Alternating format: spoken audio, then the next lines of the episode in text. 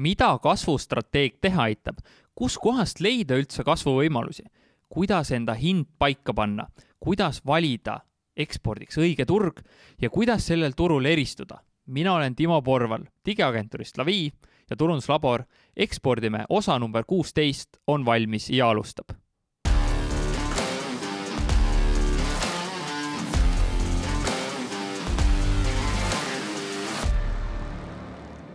enne veel, kui läheme saate juurde, siis tule kindlasti meie Facebooki gruppi Ekspordime ja samamoodi kõik saated on Youtube'ist vaadatavad, otsi üles Ekspordime kanal, vajuta subscribe ja oled alati kursis, kui uus osa ilmub täna on külas mees, kes on kasvustrateeg ja kuna tema töö on faktiliselt mõõdetav, siis ta on klientidega loonud kasvustrateegiaid, mis kiirendas nende kasvu keskmiselt kaks koma kaheksa korda. ta on aidanud läbi oma workshop'ide ettevõtetel teha kolmekümne kuue miljoni euro eest lisakäivet ja kolme miljoni eest lisakasumit.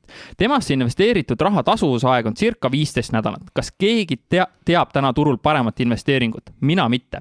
tema poolt aidatud klientide nimekirjast leiab Elisa, Telia, Omniva, Kahvo, Scania Eesti, Statoil, Statoili, Sportlandi, Bricke, Rimi, ERR-i, Pipedrive'i ja ma võiks jätkata siin õhtuni. mul on õnnestunud koos temaga lennata era, eralennukis, kus istusime põhimõtteliselt pilootide kõrval. olgu, olgu. tegu oli lennuga Saaremaa-Tallinn, teate küll seda väikest lennukit, mida tuul hoolega raputab. ja ta on lihtsalt nii suur mees, et avastas, et istudes nii väikeses lennukis on parim koht esimene pink, sest sealt saab jalgu sirutada pilootide kokpitti. tema te teemad olid meil uskumatult põnevad ja lend oli seekord eriti lühike. ta on valitud kuulajate poolt Eesti suurima turundusürituse kaksteist tundi turundust kaheteist ettekandja hulgas parimaks, kellelt said kuulajad kõige rohkem kasu. ta võitis kolmesaja viiekümne viie inimese poolehoiu, edestades teist kohta rohkem kui saja häälega. iga kord temaga kohtudes ja arutades imetlen tema süsteemset ja teravat mõtlemist ja pole siis imestada, et peale sedasama kaksteist tundi turundust üritust üks inimene kirjutas Facebooki gruppi, et ta tahaks tema aju endale. mina tahaks ka ja täna saame seda vähemalt tunni vältel kasutada. tere tulemast podcasti Ekspordime, Indrek Saul.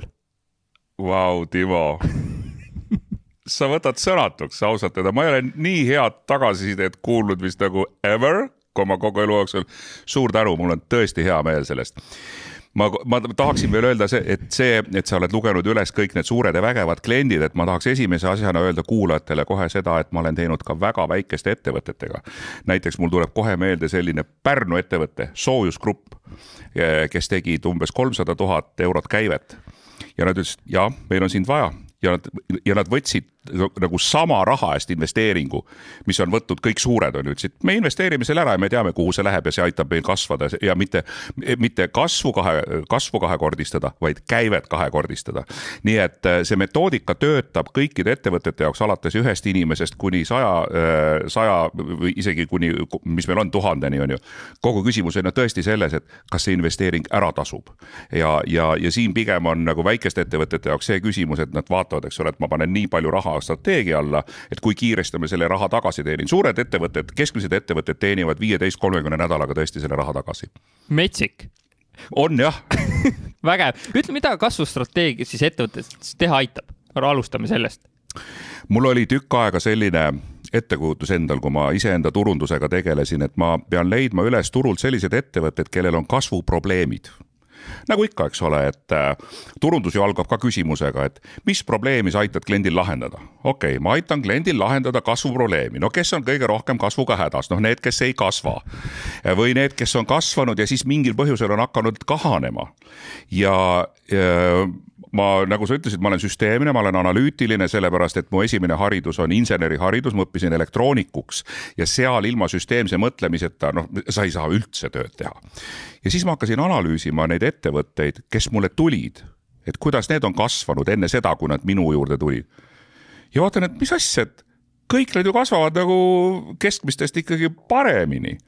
ja, ja siis lõpuks ühel päeval mul plahvatas ja ma arvan, et see plahvatas mul siis, kui me rääkisime EAS-iga järjekordse strateegia praktikumi tegemisest ja EAS-i sellest loogikast, et kuidas nad otsivad arenguprogrammi potentsiaaliga ettevõtteid ja ma ja, ja mina olen alati rääkinud kõikidele ettevõtetele, kuule, et sa sisuliselt ju täna tegutseme me kõik globaalsel turul potentsiaal kasvamiseks ehk kliendid väljaspool mind on ju kõigile ühed ja samad.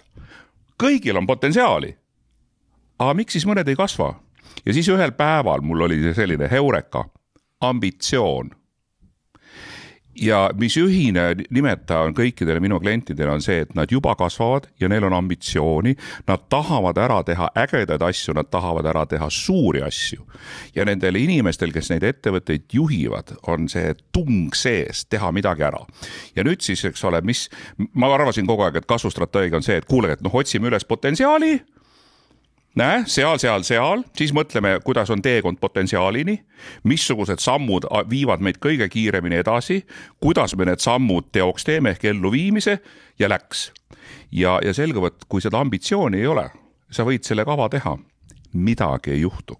Ja, ja vot ambitsioon on selles mõttes üks, üks veider asi, eks ole, et seda on jube keeruline kirjeldada, aga jube lihtne tegelikult hoomata keegi on isegi motivatsiooni kohta öelnud, et, et mis asi on motivatsiooni, mis asi on motivatsioon. et sa saad aru, kui sa näed seda ambitsiooniga on sama lugu, et sa saad aru, kui sa näed seda ja sellest tulenevalt siis, mis nii-öelda minu ülesanne on.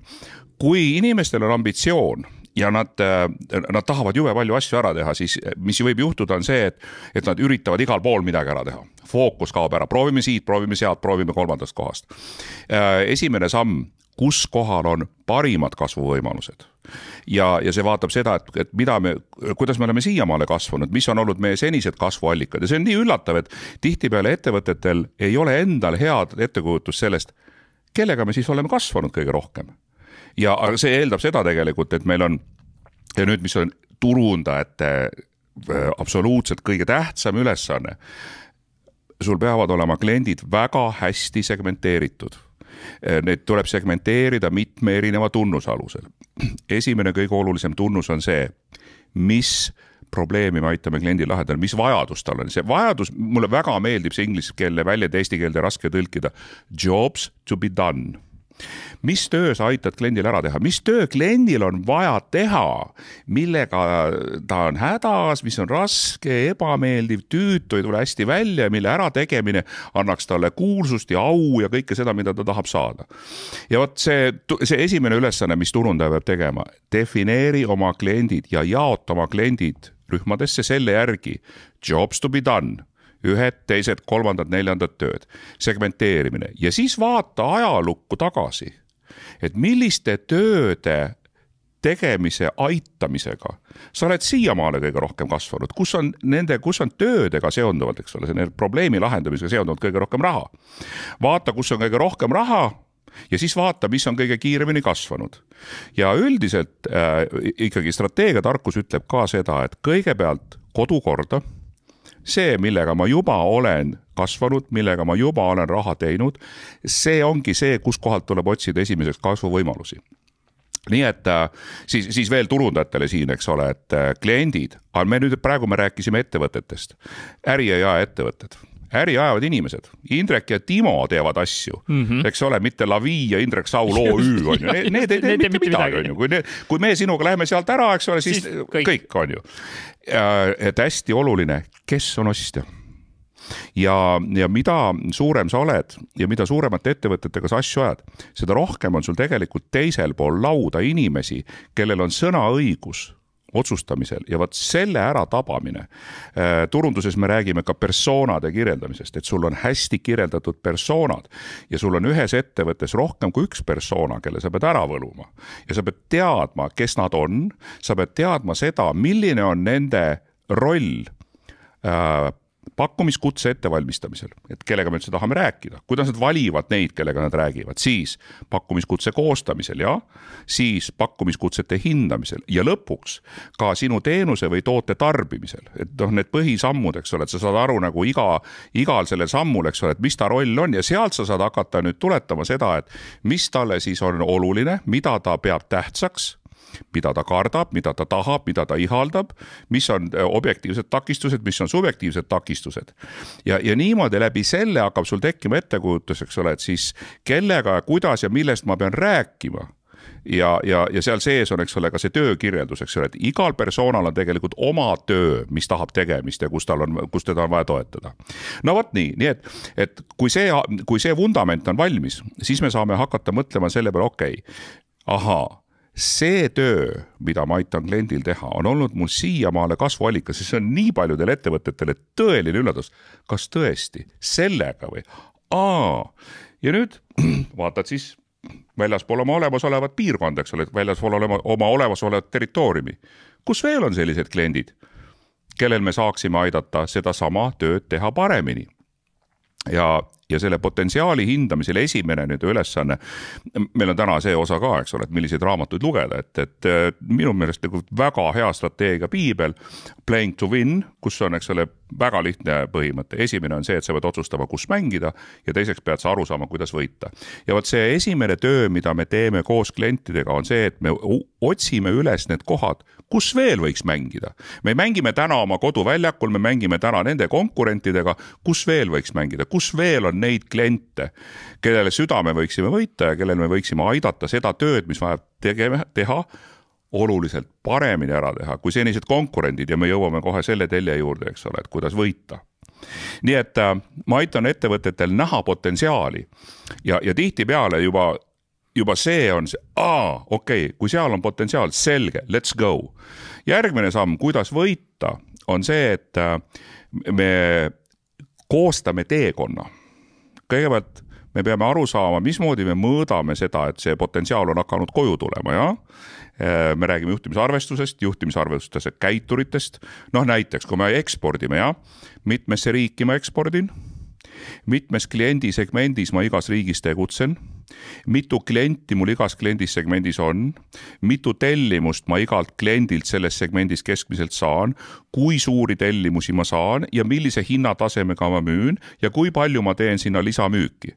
mul on siin seitse ekspordi käibekäiturit ja nüüd, kui ma üldse pole kunagi eksportinud, noh siis väga palju vahet ei ole, eks ole, sa, sa pead tegelikult välja valima, mille, sa pead välja valima selle turu, mis on kõige atraktiivsem kuhu sul on kõige lihtsam siseneda, kus sisenemise barjäärid on kõige madalamad, kus sinu võimekus siseneda on kõige kõrgem ja kus kohal sa oled konkurentidest võrreldes mingi asja poolest ikkagi kõvasti parem äh, nii et meil on vaja turu val-, valimiseks, eks ole, turu atraktiivsuse hindamiseks on meil vaja kriteeriume ja meil on vaja ka eristumise hindamiseks kriteeriume. nii, nii et siis, kui meil on paigas see, eks ole, et ahaa, me täna juba natuke Saksamaale ekspordime see segment on paigas, see job to be done on paigas. järelikult on meil vaja sinna uusi kliente, meil üks on olemas, kaks on olemas. kuidas me uusi kliente saame, mis me tegema peame ja sealt tuleb nüüd selline suhteliselt äh, töömahukas etapp, kus, eks ole, me koos võtmeisikutega, kus me räägime läbi absoluutselt kõik võimalused, mida võiks teha ja siis äh, seome need omavahel ära, et me saame aru, eks ole, mis mille järel tuleb, mis on mille eelduseks, mis on vaja enne ära teha, kui ma saan astuda järgmise sammu ja siis hindame ära nende tegevuste mõju ja, ja jätame pilti alles kõige mõjusamad tegevused ja kõige pakilisemad tegevused ehk need, mis lükkavad asjad käima. ja siis on puhas elluviimise distsipliin. nüüd on nii, et need asjad tuleb ära teha esimeseks, noh a la, eks ole, et mul on vaja teha koduleht taanikeelseks. enne pole mõtet üldse Taani turule minna. selge, siis on veel mingi asi, veel mingi asi, veel mingi asi. Ja sealt hakkab peale elluviimise distsipliin, kus äh, mulle õudselt meeldib äh, startup induse maailmas, ma olen ise ka ühe inkubaatori programmi läbi teinud, kolme B printsiip, PPP, progress problems plan. ja kui sa tahad, mis siis selle PPP koosoleku mõte on, et startup'id teevad seda iga päev, siis teevad iga nädal, siis teevad, eks ole, kaks korda kuus, siis teevad korda kuus, nii noh, vastavalt sellele, kui suureks masin läheb. ja, ja kui stabiilseks, kui stabiilseks nad on need oma äri saanud. ja, ja, ja aga see tähendab, kui sa, kui sa tahad seda teha, siis sul peab olema kirjeldatud, kuidas näeb välja progress et kui me tahame Saksamaa turul mingid asjad ära teha, eks ole, et siis selleks ajaks peab olema tehtud see, see on progress. see asi peab olema ära tehtud selleks asjaks, need asjad peavad olema tehtud ära selleks asjaks ja siis, eks ole, sa saad aru, et okei okay,, et kui me kõik need asjad ära teeme, siis tõenäoliselt esimest klienti me näeme kahe tuhande kahekümne teise aasta teises kvartalis. ja, ja, ja sul ei ole mõtet siis, eks ole, luua endale illusiooni, et sa lähed Saksamaa turule septembris, teed esimese diili, ei tee. et heal juhul teed sa selle aasta pärast, aga võib-olla pooleteist aasta pärast, võib-olla isegi kahe aasta pärast. nii et kui nüüd kokku võtta siis, et mida kasvustrateeg teeb, ma aitan leida üles kasvupotentsiaali ma aitan inimestel kokku leppida plaani, kuidas see kasvupotentsiaal koju tuuakse. Ja siis ma aitan nendel inimestel saada järje peale, kolm kuni kuus kuud peale seda, kui see kasvustrateegia on kokku lepitud. elluviimise käigus muide, siis tulevad välja kõik need detailid, mida sa tegelikult ei suuda strateegia kokkupanemisel üldse ette näha, siis hakkavad peale see, et progressi ei ole, miks ei ole probleem, seda probleemi me ei näinud ette, kuidas me selle probleemi lahendame nii, mis meil vaja on, mis on plaan pro probleemi lahendamiseks, eks ole, progress problems plan? Ja plaan on selline, et kui me teeme kord kuus oma PPP-d, siis järgmiseks kuuks peab olema uuesti progress, sest muidu sa oled oma plaanist maas. et sa, eks ole, ja, ja see on nüüd see koht, kus siis läheb, tegelikult kõige keerulisem on hakata võitlema iga päevaga, every day'ga iga päev on see, eks ole, et tuled hommikul tööle, pea on täis häid mõtteid ja eks ole, energia rinnas. ja siis tuleb, eks ole, see probleem, teine probleem, kolmas probleem, sa lahendad kogu aeg operatiivseid ülesandeid. strateegia elluviimiseks lihtsalt pole aega ja, ja, ja kui nüüd veel lühemalt see kokku võtta, eks ole, siis ma aitan inimestel näha tulevikku. ja, ja, ja kui sa näed võimalust ja näed teekonda mäetipp ja sa saad aru, kuidas sinna mäetippu minnakse ja sa saad aru, et sul on olemas ressursid. siis, kui sul on ambitsiooni, sa lähed. kui sa ei näe teed, kui sa saad aru, et sul pole varustust, sul pole võimalust, sa ei hakka liikuma. mulle väga meeldib üks äh, teaduslik äh, käitumispsühholoogia valdkonna äh, raamistik, mis selgitab inimeste käitumise muutmise põhieeldusi. seda nimetatakse inglise keeles COM-B, C-O-M slash B ja, ja see tuleb lühendist capability, opportunity, motivation ja behavior. ehk siis capability võimekus, opportunity võimalus, motivation tahe ja be behavior. Ja kui me tahame hakata strateegiliselt tegutsema, siis meil on vaja kõik need elemendid paika panna, aga selle behavior'i taga on tegelikult siis veel üks asi. on sinu vision, visioon, ambitsioon, eesmärk. Ja vot ma selle kasvupotentsiaali, eks ole, piltlikult öeldes panen selle tegevuste taha, ma näitan, milliseid tegevusi on vaja teha selleks, et saavutada see tulemus. aga tulemus teistpidi, eks ole, jälle midagi, mis motiveerib neid inimesi, me tahame seda tulemust saavutada. ja siis, eks ole, kui nad näevad, missugused sammud tulevad teha, siis nad oskavad hinnata, kas meil on olemas võimekus selleks ja teistpidi ka, eks ole, kasvupotentsiaal tegelikult on ka see opportunity. nii et see on nagu natuke tagurpidi pööratud, on ju, et ma näitan, kus on opportunity, me vaatame üle, mis on capability ja need omakorda aitavad inimeste tahet suurendada ja siis on veel vaja ainult tegevusplaani kõlab nagu väga lihtsalt, justkui väga ja. süsteemselt, täpselt nii, nagu sa oled. aga vaata, sa ütlesid ka, et see kõige keerulisem on leida igapäevategevustelt kõrvalt seda aega, kuidas seda aega nagu leida, kuidas sa näed, sa oled väga paljusid ettevõtteid nõustanud, et kes päriselt lõpuks selle strateegia suudavad ellu viia, kust see nagu tuleb? Äh, seal on, tegelikult on, on paar hästi lihtsat võtet. esimene on see, äh, meil on hilisemas, eks ole, sul oli ka küsimus selle kohta, et missuguseid äh, tööriistu, efektiivsustööriistu ma soovitan kasutada. Efek-, number üks efektiivsustööriist on kalender, mitte to do list ma olen proovinud oma elus kümneid to-do liste ja need kõik lõpevad suure stressiga. sellepärast, et sa paned sinna kirja kõik, mida võiks teha ja siis sa üritad neid hallata oma nutitelefoni mikroskoopilise ekraani kaudu.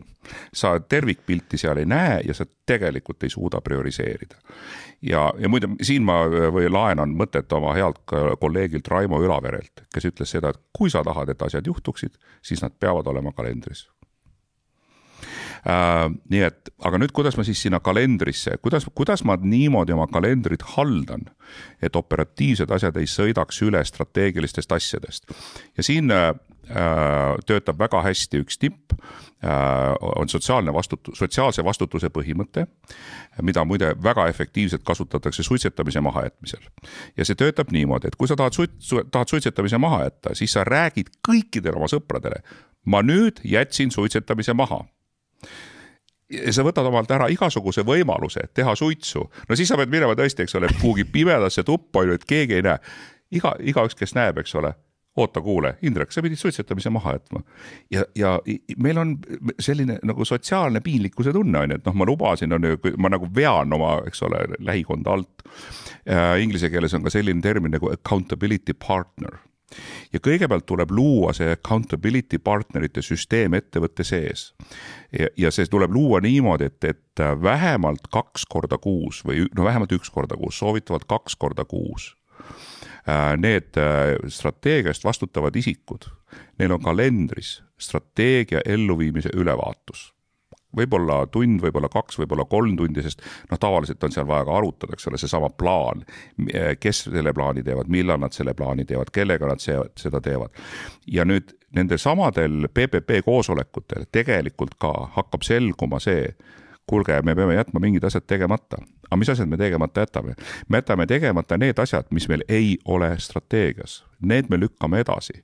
me ei saa edasi lükata strateegia elluviimiseks, kasvamiseks vajalikke tegevusi. nii et selline prioriteetide ümber see mängimine, eks ole, see tuleb tegelikult töö käigus. mina olen aru saanud sellest, et strateegia tegemise käigus, eks ole, kui sa selle paned kokku, seda on nii raske ette kujutada. et mis asjad siis seal igapäevas hakkavad juhtuma protsessides, tegevustes ja koosolekutes, küll aga üks asi, mis aitab äh, on see, et me strateegias otsustame, et me tegeleme nende klientidega ja nende klientidega ei tegele. me tegeleme nii suurte pakkumistega ja nii väikestega me ei tegele või me tegeleme nii väikeste pakkumistega ja nii suuri me lihtsalt ei võta. me tegeleme nende toodetega, nende teenustega ja need lihtsalt killime ära see tundub ma tean, jube valus, ma olen ise ka liikunud ühest kliendisegmendist, ühest suurusest teise. ütle, mis nõu sa nagu annad, kui nagu ühel hetkel kliendil, klientidel tuleb hakata ei ütlema, keda sa oled võib-olla kolm aastat teenindanud, et me nüüd teeme kallimalt või me täidame suuremaid nagu kliente? kuidas seda võimalikult pehmelt öelda? ma võin sulle tuua näite, kuidas seda ei pea tegema nii Äh, kunagi ammu mul oli vaja väljaspool linna ühele keerulisele objektile saada turvapakkumine, valvepakkumine. ja, ja siis ma saatsin äh, nii-öelda palve laiali äh,, oligi vist äh,, seal väga palju vist valida ei olnud, et äh, kes meil see e enne G4S-i oli, ei mäleta, Securitas on ju, ja ja siis mulle tuli pikk ja põhjalik äh, pakkumine ühelt äh, suurelt tegijalt Wordi dokument, mille lõpus oli ilmselt unustatud ära kustutada üks sisemine kommentaar. Ja siia kirjuta nii kõrge hind, et ta ei taha meist enam mitte kunagi mitte midagi kuulda. Oi, oi, oi, oi, oi. Selliseid kommentaare tuleb väga jälgida. Aga kuidas nagu. aga põhimõte on jah see, et kuidas sa siis ähm, jälle ma võin tuua veel ühe traagilise näite, selline suur telekomi firma nagu Sprint USA-s. ka analüüsis oma äh, tegevuste efektiivsust ja avastas, et nendel on mingisugune tuhat klienti, kes kogu aeg virisevad, kogu aeg helistavad kõnekeskusesse, üks asi on halvasti, teine asi on halvasti, kolmas asi on halvasti ja, ja siis selleks, et tele, kõnekeskuse koormust vähendada, siis nad nii-öelda valisid välja tuhat esimest klienti ja saatsid neile umbes sellise sisuga kirja. et äh, vaadates meie viimase aja nii-öelda läbikäimist või noh, kõnesid ja, ja teie tagasiside hinnangut, me oleme aru saanud, et äh, me ei ole suutelised teile nii-öelda teid rahuldavat teenust pakkuma, mistõttu me äh, oleme otsustanud, et me ei paku teile enam üldse teenust see jõudis kõikide maailma juhtivate ajalehtede esiküljele. et eks ole, Sprint lihtsalt ütles, et kuule, tõmba lesta, et ja seal oli vist umbes selline mõte ka, et, et selles esinduses me teist kahjuks ei saa teenindada sulgudes ja üheski teises esinduses ka mitte selle ei jäetud kliendile mingit võimalustki, aga noh, kui ma näiteks tulen sinu juurde, turunduslabor, nii väike ettevõte kuidas sa mulle siis ära ütled? sul on kaks võimalust, sul on võimalus öelda seda, eks ole, et mul on praegu kalender nii täis, et ma saan sellega tegeleda alates sellest ajast. või teine variant on see, eks ole, et sa ütled äh, kõrg, nii kõrge hinna, äh, et äh, klient peab sind liiga kalliks ja, ja siis ise loobub aga hinnateema meil oli ka täna on ju ja, ja, see on veel muidugi omaette tore kogemus, et ma soovitan kõikidel seda proovida, et proovige kõrgema hinnaga müüa, vaadake, mis juhtub mm. -hmm. Ja ega siin muud varianti ei olegi, eks ole, kui öelda see, tegelikult sa peadki nagu ausalt üles tunnistama seda, et mul ei ole võimekust seda teha. siis veel üks asi, mis töötab päris hästi, ma olen mõnele kliendile öelnud, et tead, et see ei ole enam minu teetass et ma, ma küll oskan seda teha ja ma olen seda teinud, aga ma nüüd teen teisi asju ja siis, mis on väga oluline, on see, et sa ütled kliendile, kus ta abi leiab, et sa mitte lihtsalt ei viska toru hargile, eks ole, vaid ütled, et kuule, mine räägi Timo Porvaliga või mine räägi sellega või sa saad sealt seda. ja kliendid on selle eest väga-väga tänulikud, et sa igal juhul, eks ole, aitad need sammukese edasi just, et sa ei jäta hätta. noh, mida me Laviis oleme teinud, me oleme lihtsalt vahel öelnud, et need hinnad, mis meil täna on, sul lihtsalt ei tasu see ära, sest su ettevõte on sellises järgus. jaa, aga jäta see kliendi otsustada mm.. Mõni klient arvab, et tasub küll. Mm. -hmm, eks ole, seesama näide. Ja muide jälle, et, et ma olen, ma olen vist teinud oma turunduses selle vea, et ma olen pannud oma kodulehele kõik need suured ja ägedad kliendid. Ja miks ma olen just need sinna pannud, sest suurte ägedatega, suurte ja ägedatega on alati ka keeruline, vastutusrikas. Ja need jäävad hästi meelde, eks ole, et noh, kui sul omal nagu ikka põll natuke väriseb ka, kui sa seda tööd teed ja seal on ka keerulised probleemid. aga tegelikult on sellised äh, juba nagu alates kümnest inimesest ettevõtted on nagu täiesti selgelt minu sihtrühm ja vahel isegi väiksemad. ja, ja ma olen viimasel, viima-, just viimasel aastal ma olen üllatunud, et äh, väiksed ambitsioonikad ettevõtted tulevad ja investeerivad palju strateegiasse uskumatu, nii et äh, proovige mm. -hmm. jätta kliendi otsustada. sa oled äh, palju kokku puutunud nende eksportivate ettevõtetega, mis on sinu nägemust mööda nende edulugude ühisosad? noh, ambitsiooni sa juba mainisid, aga veel? esimene vastus on see, et ma olen küll paljudega kokku puutunud, aga nende paljude pealt teha järeldusi, mis ekspordis töötab või mis mitte. Äh, mina saan rääkida lugusid, aga neid lugusid ei ole piisavalt palju, et sealt pealt teha usaldusväärseid järeldusi. ja, ja mida ma soovitan, on see, et äh, minu teada on ka EAS teinud neid uuringuid, eks ole, mis on eksporditakistused, et äh, meil on, mis, mis meil on vaja selleks, et äh, öelda, mis töötab, mis ei tööta, on sul vaja kõigepealt, sa pead tegema eksperimendi, sa pead tegema uuringu. Sa pead võtma, sul peab olema esinduslik valim. see valim äh, peab olema juhuslik, see ei saa olla kallutatud. ja, ja sul peab olema ikkagi selgelt ka nagu mõõdetav, et mis on ekspordi edu. ja siis, eks ole, noh, sa pead suutma eristada, kes on olnud edukad, kes ei ole olnud edukad, mis on olnud need faktorid mis on selle edu alusteks ja missugused faktorid on ebaedu aluseks, ehk see on ikkagi selline väga korralik äh, uuring, noh, vähemalt sellise nagu magistriõppe lõputöö tasemel tuleks see teha. ja minul, äh, mul ei ole nii, mul ei ole nii palju ekspordiettevõtteid, et ma saaksin öelda, et uuringud on näidanud, eks ole, tõenduspõhiselt jah veenvalt tõestada, et need ja need põhjused ja ma tahaks siin tuua ühe paralleeli. ma viimased ka võib-olla kümme või isegi võib-olla kakskümmend aastat ikka aeg-ajalt jälle tuleb mõni uuring, mis ütleb, et vot äh, ettevõtte edu salades, seitseteist asja, mis äh, teeb ettevõtte edukaks ja nii edasi ja nii edasi. Ja siis äh, mõni aasta tagasi Harvard Business Review tegi ühe, veel ühe, on olemas üks selline eriline liik uuringuid, mida, mida nimetatakse metauuringuks. Metauuring on siis selline uuring, kus sa võtad kõik selle valdkonna tehtud uurimistööd ja võtad nende nii-öelda kahekümne, kolmekümne, neljakümne uurimistöö tulemused omakorda kokku, üldistad need ära, analüüsid need, muide seesama COMB on tulnud äh, umbes neljakümne teadustöö analüüsist, äh, kus üheksateist erinevat metoodikat analüüsiti, ühtlustati ära ja vaadati siis, eks ole, mis seal, mis on ühist ja mis töötab, mis ei tööta ja Harvard Business Review tegi ära sellise metauuringu ja tuli järeldusele, et edu põhineb kolmel eeldusel. esimene uh,, better before cheaper. teine, revenue before cost. ja kolmas, there is no other rules.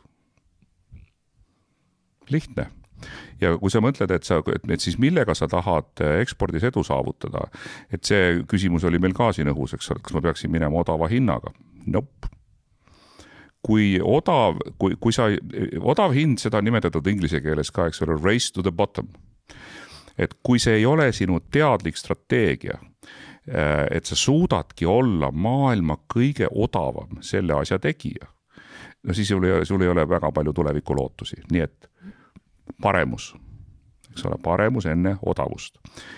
teine, tulud enne kulusid aga see on kasvupotentsiaal, kus on minu tulevased tulud. ja selle kohta on isegi eesti keeles on ka keegi öelnud seda, eks ole, et karta ei tule mitte suuri kulusid, vaid väikseid tulusid. nii et need on kõigepealt, eks ole, sellised universaalsed eksporditõed. aga mille, mille taha tavaliselt asi jääb, on jälle see, et ei suudeta äh, üles leida fookust. ja siin on vaja süsteemselt tegutseda, siin on vaja endale luua ettekujutus, et okei okay,, ma tahan eksportida. noh, kõigepealt miks? Ma tahan kasvada.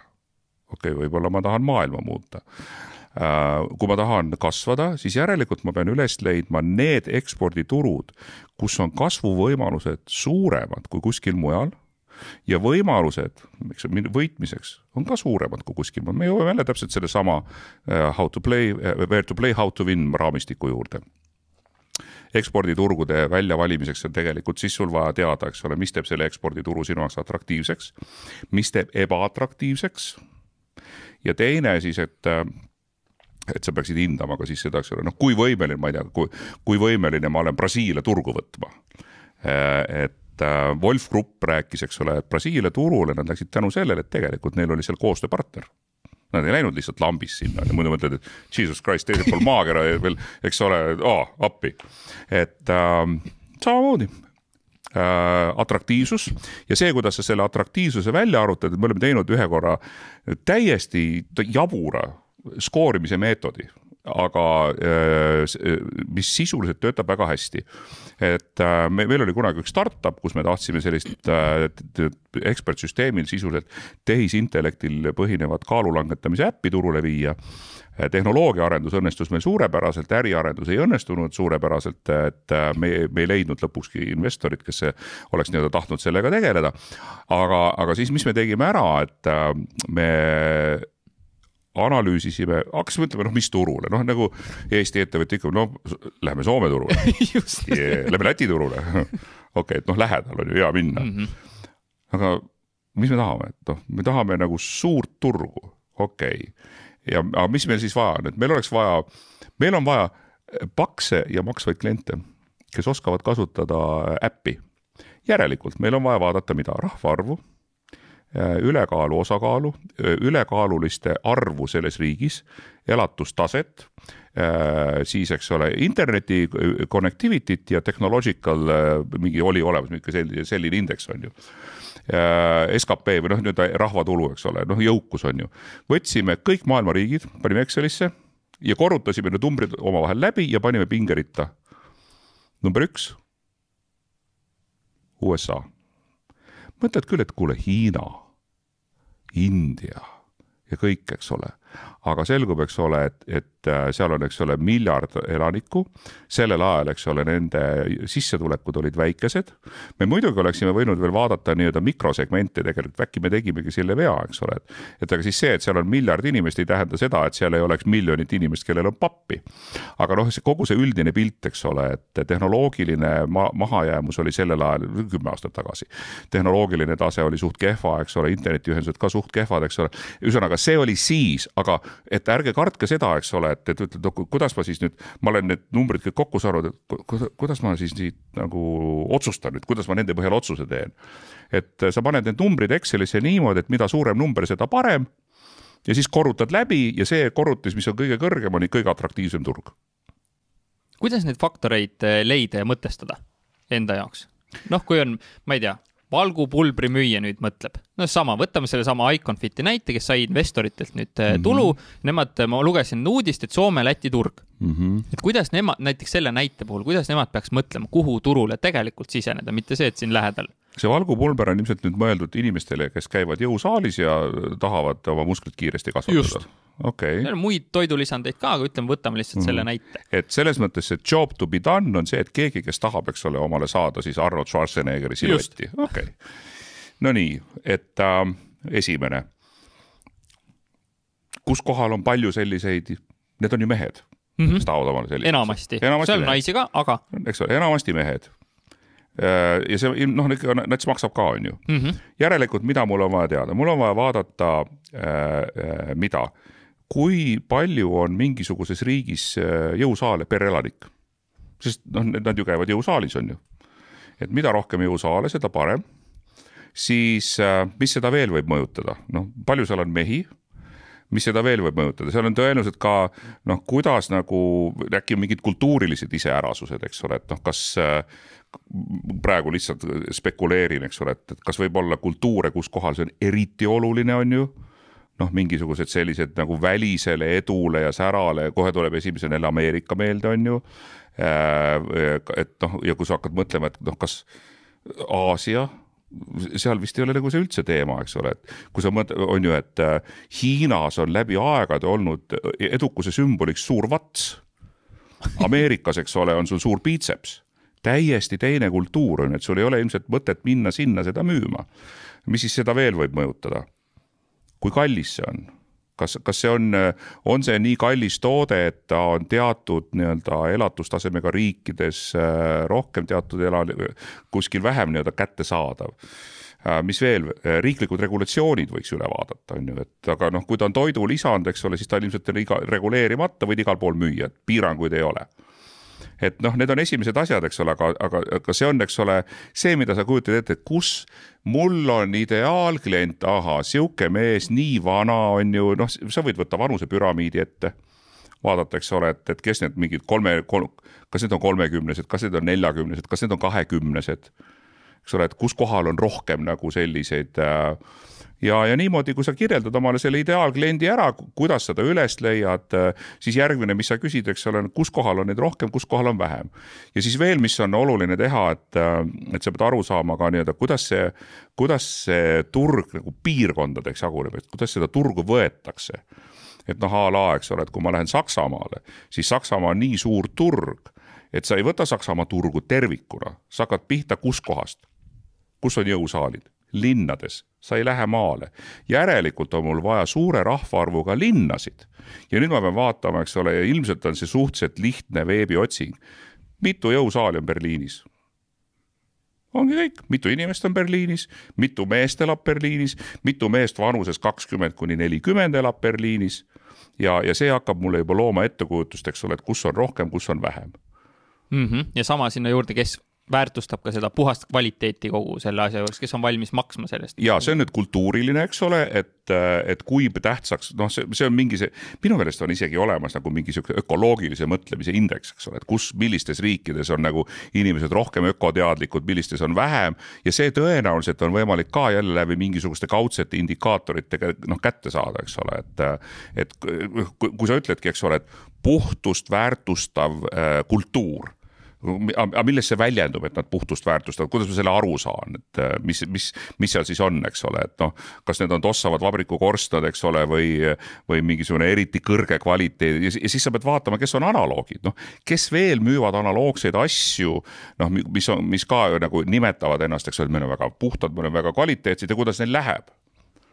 Mm. -hmm vaatan need analoogid ära, kuidas see eristumine paika panna, ma tean, et see on üks sinu lemmikteemadest ja mulle endale ka alati hästi põnev, et noh, jällegi minna mitte lihtsalt odava hinnaga ja samasuguse pakendiga, et kuidas siis päriselt nagu müüa see lõpuks? ja eristumine on, jälle me peame seda vaatama ainult läbi kliendi silmade ja läbi persona aru saama, me peame kehastuma selle persoonaks ja ütleme, et no nii, ma olen siis nüüd see jõusaali hunt, on ju ja siin on mul kolm-neli-viis brändi valgupulbrit, mille vahel mul on valida.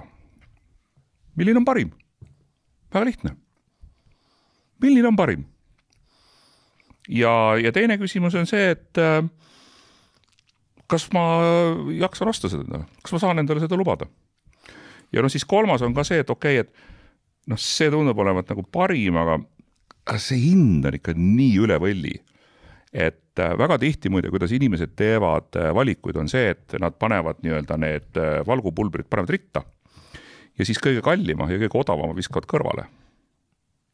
ja siis hakkavad, siis vaatavad edasi. hästi tihti kasutatakse seda meetodit. kui see väga kallis ei ole just väga selgelt mingisuguse noh, võimsa argumendiga toetatud, eks ole, et, et see ongi see, mille eest ma maksan ja noh, valgupulbri puhul, eks ole, seal müüakse lootust. Väga keeruline on äh, sul nii-öelda põhjus-tagajärg seost äh, tuvastada, eks ole, et, et sa pead seda valgupulbrit võtma kuude kaupa. kus ma aru saan, et see töötab? et äh, tegelikult müüakse lubadust just nagu sa enne seda podcast salvestust küsisid, kuule, kas see Lions main töötab ka ja, või ei tööta? just täpselt. no ma ütlen, ma ei tea. Mm. -hmm. väga keeruline on aru saada ja selleks, et aru saada, selleks oleks vaja sul ikkagi nii-öelda talletada, eks ole, noh, mingisuguseid progressi ja aru saada, mis faktorid seda mõjutavad. aga kui sa mõtled jõusaalis lihase kasvatamise peale, eks ole, seal on tegelikult kümneid faktoreid, mis mõjutavad. et noh, tegelikult ma, ma arvan, et neid valgupulbreid ostetakse puhtalt usu pealt Mm -hmm. nüüd, kui sul on panna sinna kõrvale mingisugune teaduslik uuring, mis ütleb, et vot me siin tegime katsealuste grupi, ühed sõid, teised ei söönud ja ühtedel kasvas lihas kilo kuus rohkem, nii palju ei kasvagi, on ju, aga noh, eks ole, kakssada grammi, kolmsada grammi lihasmassi tuli kuus rohkem juurde. ja teine, mis on tõenäoliselt, eks ole, mida kasutatakse, siis on see nii-öelda celebrity marketing, et aa noh, kui see juba sööb seda, siis ju, ju ta siis peab hea olema mm. -hmm. ja sama, noh, ma mõtlengi, et sa rääkisid. iglusaun on ju.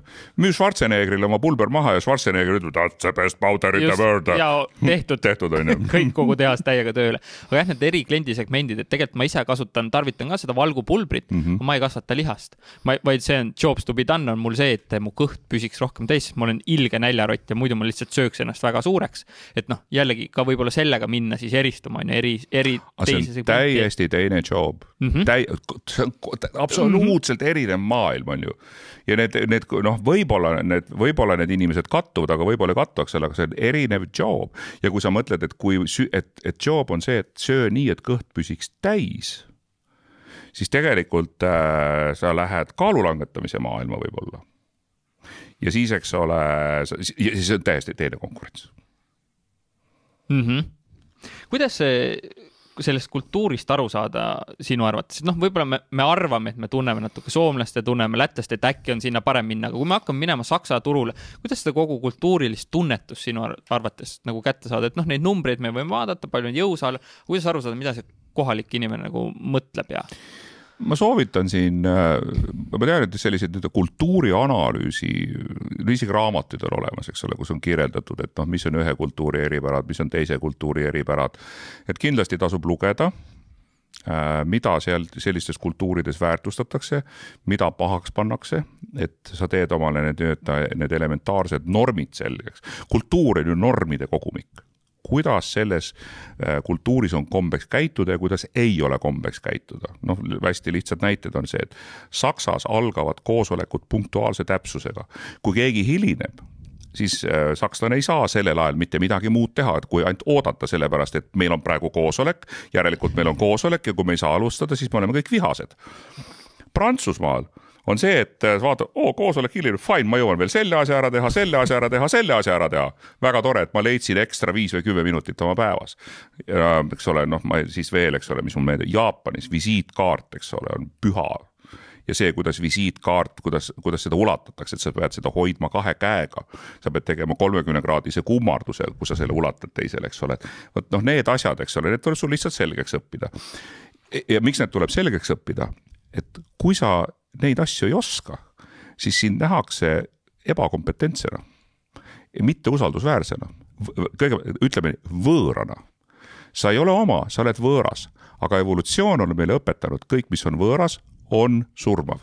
karda nii et äh, see on ka muide, eks ole, et kuidas nii-öelda jõuda ekspordi tulemuseni, et äh, üks hästi huvitav teema, millega ma soovitan, mis ma soovitan kõikidel oma selgeks teha mis asi on usaldus see, kui inimesed hakkavad, et inimesed hakkaks omavahel äri ajama. äri hakatakse ajama siis, kui on tekkinud usaldus ja seda usaldust on ka kahte liiki. on selline ratsionaalne usaldus, eks ole, kus ma riskin noh ajaga ja rahaga on ju, aga on ka emotsionaalne usaldus kus ma riskin iseendaga, ma riskin oma mainega, oma tulevikuga, kus mina on mängus.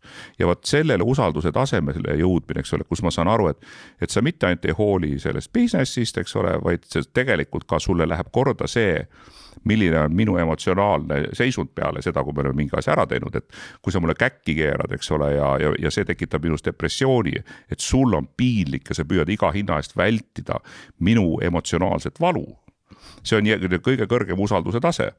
ja, ja usalduse võitmine, mikspärast need ekspordiasjad nii kaua aega võtavad? usalduse definitsioon, ma ei tea, vist rääkisime ühe korra või ole, ei ole et kui sa, kui sa korra mõtled ka ja, ja kuulaja võiks ka korra mõelda, et kuidas ma defineerin usalduse. Äh, niikaua, kui sa mõtled, ma vahepeal ütlen ka, et, et üks hästi hea artikkel, mida ma siin viimasel ajal lugesin, äh, selle mõte oli selles, et intelligentne arutelu algab definitsioonide kokkuleppimisest.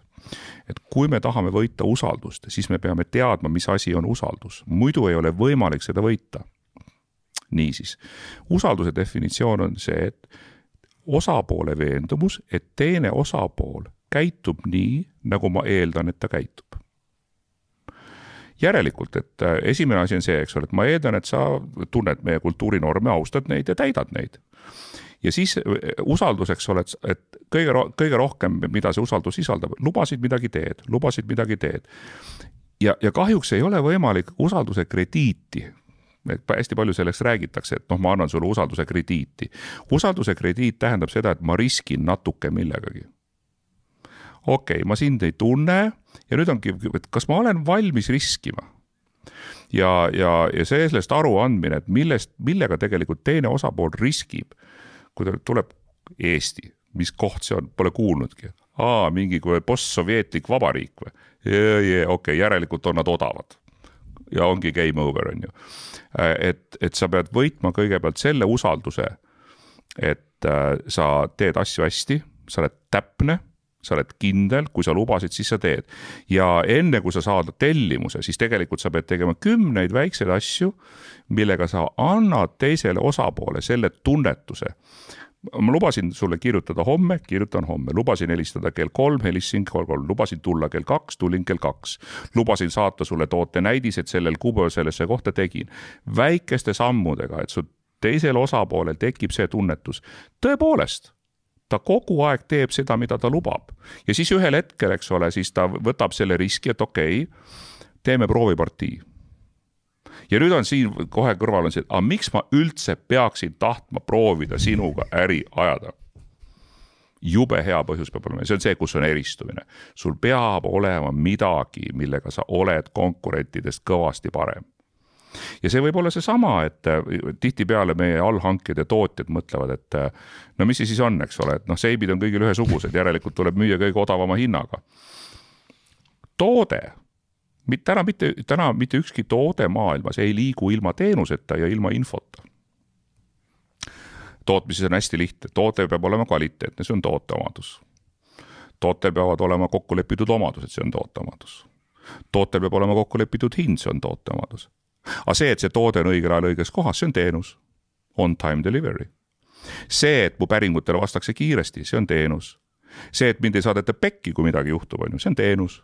see, et probleemid lahendatakse ootuspärasel viisil, see on teenus et, et iga tootega on seotud väga palju teenuseid, mida me isegi noh, me ei taju, on ju.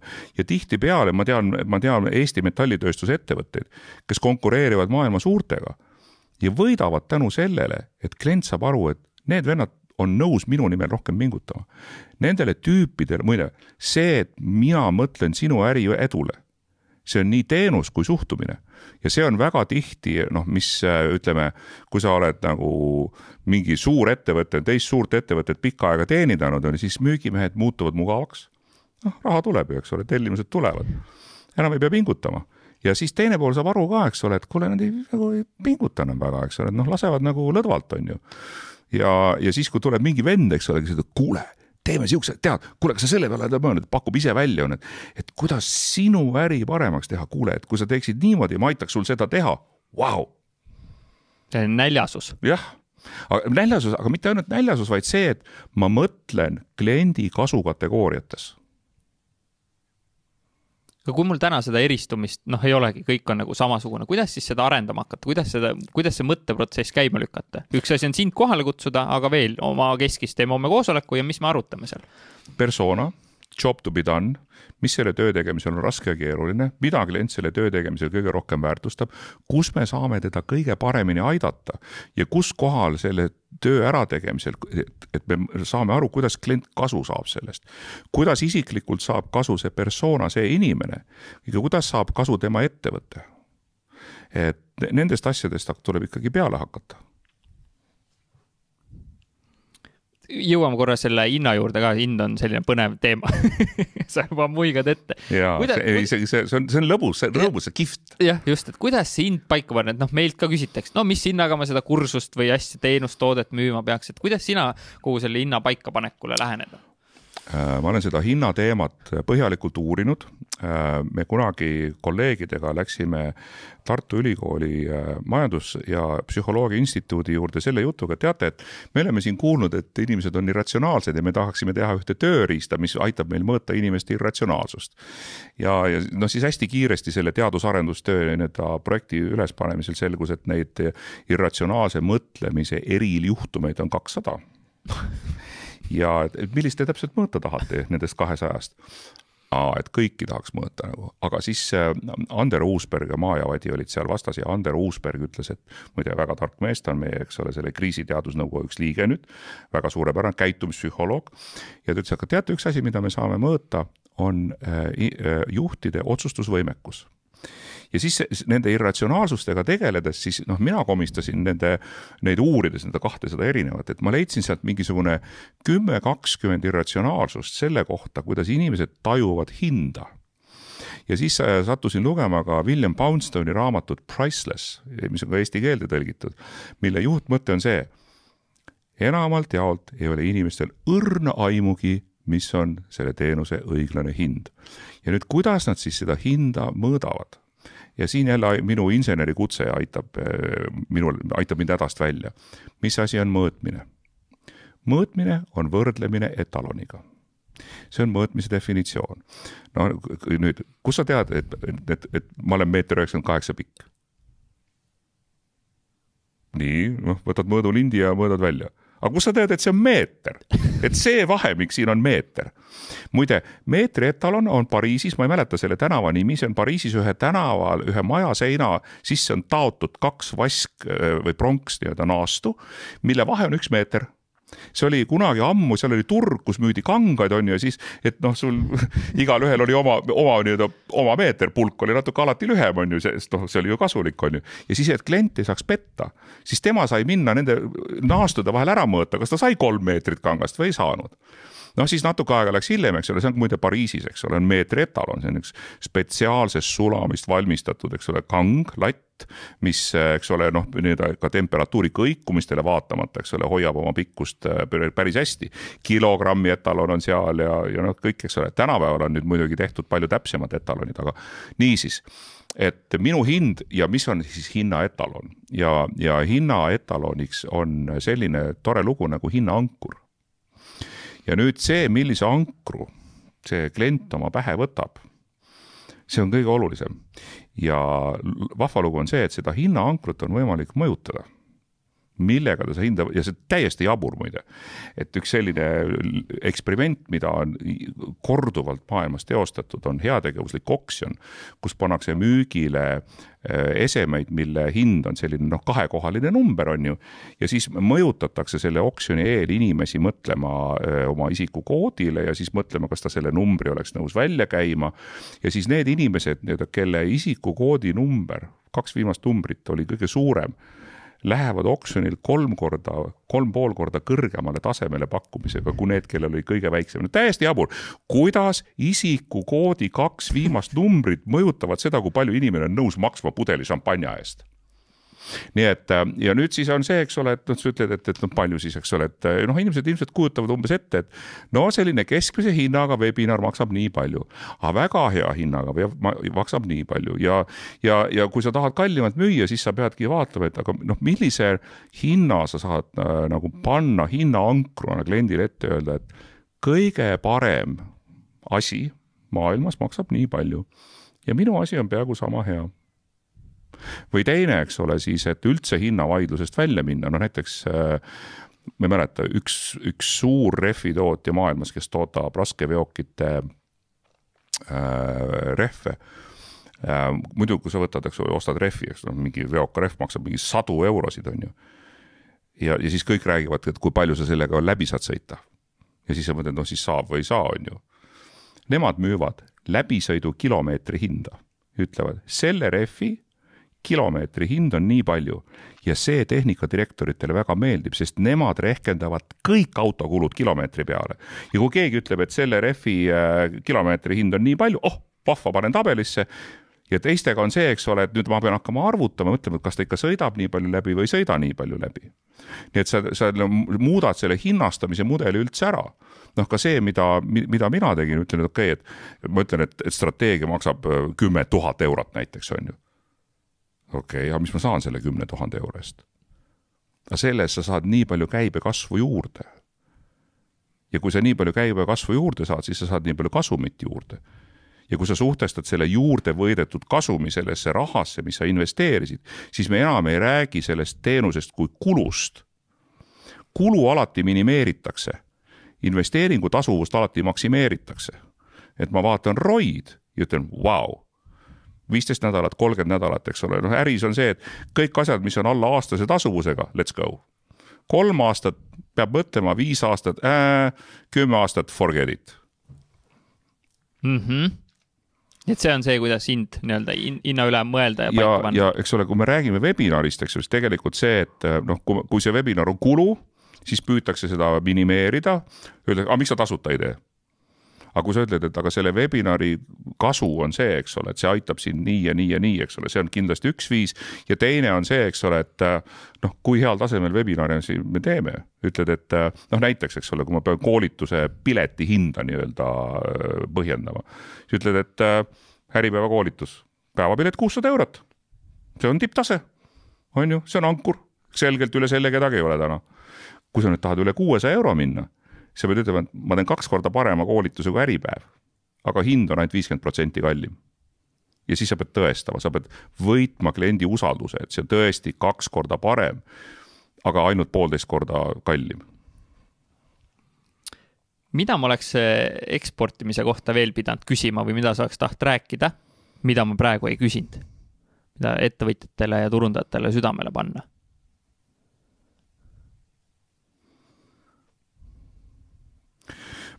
ma arvan, et me katsime päris paljusid teemasid ära ja ma, mul, kuna mul märkmed endal praegu ees ei ole, mul ei tule ühtegi asja meelde, mida me ei rääkinud, aga mis kindlasti, et kui see asi kokku võtta, eks ole, et valige välja üks turg ja fokusseerige sellel turul ühele segmendile ja fokusseerige sellele segmendile, kus teil on ette näidata, et teil on, te olete võimelised tegema tulemust. Müüge business case'i, müüge tasuvust, ärge müüge odavat hinda, kui te lähete välisturule, müüge paremust ja, ja veel ah,, muide, üks asi, mis äh, jäi rääkimata. kui sa lähed äh, välisturule, siis esimene asi, mille sa pead maha müüma, on päritolu. ma olen Eestist. ja see on üllatav, kuidas ka väga tugevad tegijad äh, põevad seda et noh, mis me Eestis siin ka, eks ole, mingi postsovetlik ja ja ma tegin ühe, ühe väga kihvti IT-firmaga, ma nime praegu ei saa öelda, on ju, ma tegin ühe väga kihvti IT-firmaga koostööd. ja nendel oli sama lugu, et noh, Saksamaal ja noh, et me teame küll, et kui sa lähed sinna, Eesti, järelikult sa oled odav programmeerija, noh, mis su tund maksab, on ju ja sina ütled ei, ei, me ei ole odavad, me oleme head, meil on sellised lahendused, mida pole mitte kellelgi teisel. nii, siis hakkasime mõtlema, et kas IT-maailmas, IT-maailmas, no mis see Eesti maine IT-maailmas on? meil on kõige rohkem unicorn'e per capita maailmas. ja siis korraga üks selle ettevõtte omanikest ütleb, oda, ma olen kahes neist töötanud olemas. ma olen kolme neist teenindanud. olemas, sul on referents okei okay,, jah, sa oled Ida-Euroopast, aga ma olen unicorn'ide, land of unicorns, land of Skype, land of transfer, Transferwise ja mina ja siis, kui sa ütled et Transferwise on minu klient say no more. nii et esimene asi, mille sa pead maha müüma, on Eesti ja Eesti maine ja vot nüüd see on koht, kus kohal valitsusel, riigikogul ja poliitikutel on väga suur töö teha.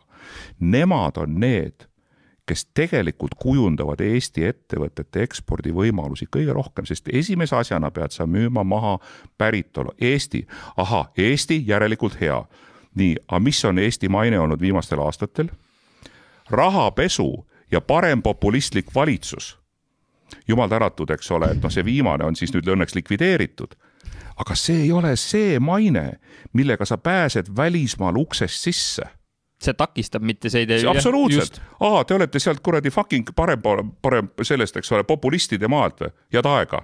Teil on mingid rahapesuvennad seal, head aega kuidas ma saan usaldada mingit tüüpi, kes tuleb siuksest kohast, eks ole.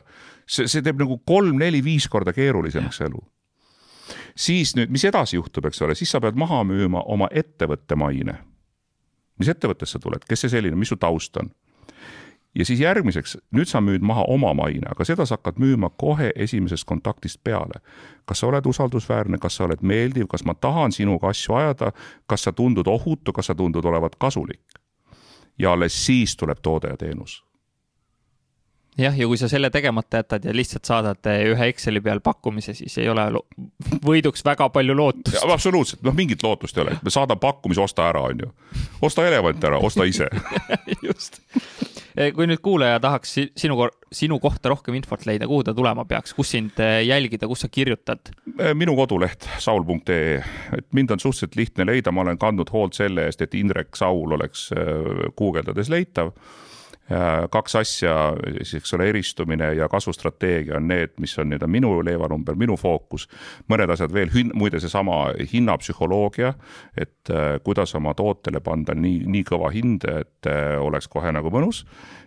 sellega ma hea meelega ka tegelen mm. -hmm kuule, aga Indrek suured,, suured-suured tänud sulle podcast'i tulemast ja aitäh, et sa aitad ettevõtetel süsteemsemalt ja loogilisemalt eh, nendele asjadele läheneda. aitäh, et kutsusid, sinuga on alati väga äge teha asju. aitäh sulle. tänud, et sa oled selle podcast'i lõpuni kuulanud. enne kui sa ära lähed, kui sa tahad korralikult läbimõeldud veebilehte, mis aitab eh, sul müüki kasvatada ja oleks siis heaks eelduseks, kui sa tahad minna välisturgudele või sul on mõni muu turundusalane väljakutse, siis eh, mine lavi.ee ja vaata, võib-olla saame sulle abiks olla. samuti, kui sul on vaja kvaliteetset sisu, olgu see siis video, olgu see siis heli ja nõuga, kuidas siis seda levitada, eh, et oma klientidele väärtust luua ja jälgijaskonda kasvatada, siis maratonstuudios.ee on kindlasti see koht, eh, mida uurida ja kuskohast alustada. olen Ahti ja Markoga väga palju koostööd teinud, teinud erinevaid projekte ja seesama podcast Ekspordime, mida sa kuulad, on siinsamas äh, Maraton stuudio sees äh, salvestatud. ja julgen neid mehi nagu tõsiselt soovitada. ja miks? on see, et nad on profid, nad hoolivad sinust, nad teevad asja hingega ja noh, sellist äh, komplekti või kokteili kohtab ikka väga-väga harva